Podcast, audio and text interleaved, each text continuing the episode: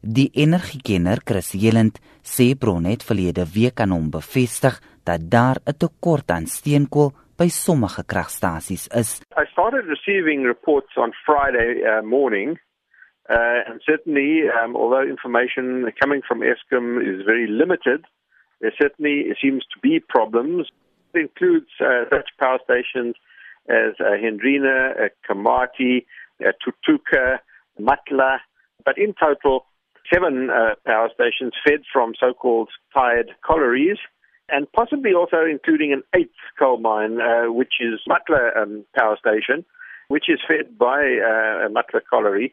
Yelland sê die situasie kan dalk as 'n noodtoestand verklaar word. I am told from these reports that the situation uh, has reached a critical stage, that a coal emergency has been recommended by Eskom's primary energy division, and that this is uh, waiting to be processed. That's not to say they will declare an emergency, uh, and that will have to then be considered by the politicians and the regulator as to whether or not to proceed to declare an emergency, which would really then enable emergency procurement of coal without having to go out to tender, possibly at extremely high prices, in order to try and stave off load shedding.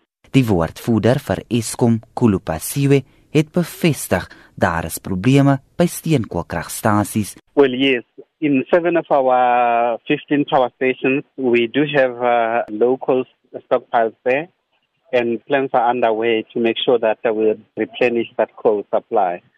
What management is also doing, they have basically called the people who are running those power stations to come and explain as to what has happened there.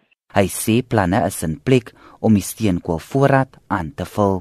As a temporary and emergency measure, we have basically uh, made sure that coal from some of the power stations is diverted to these stations to make sure that we don't have any compromises in terms of coal supply in those stations.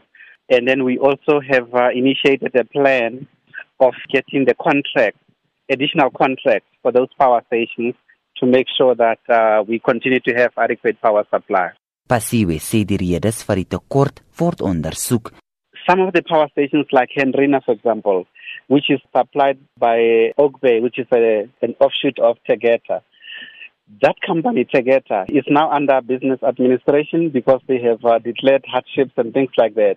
So part of the reason why we are having shortages in some of our power stations, it is because Tegeta, which is a Gupta-owned company, is having financial problems. And as a result, they have not been able to meet their obligations in terms of uh, uh, supplying coal to at least three of our coal-fired power stations. The other ones, um, we are in the process of getting information from the station managers to understand as to what has led to the situation. Passiwe sê daar is geen sprake van beerdkrag nie. Jean Estreisen, SAICONIS.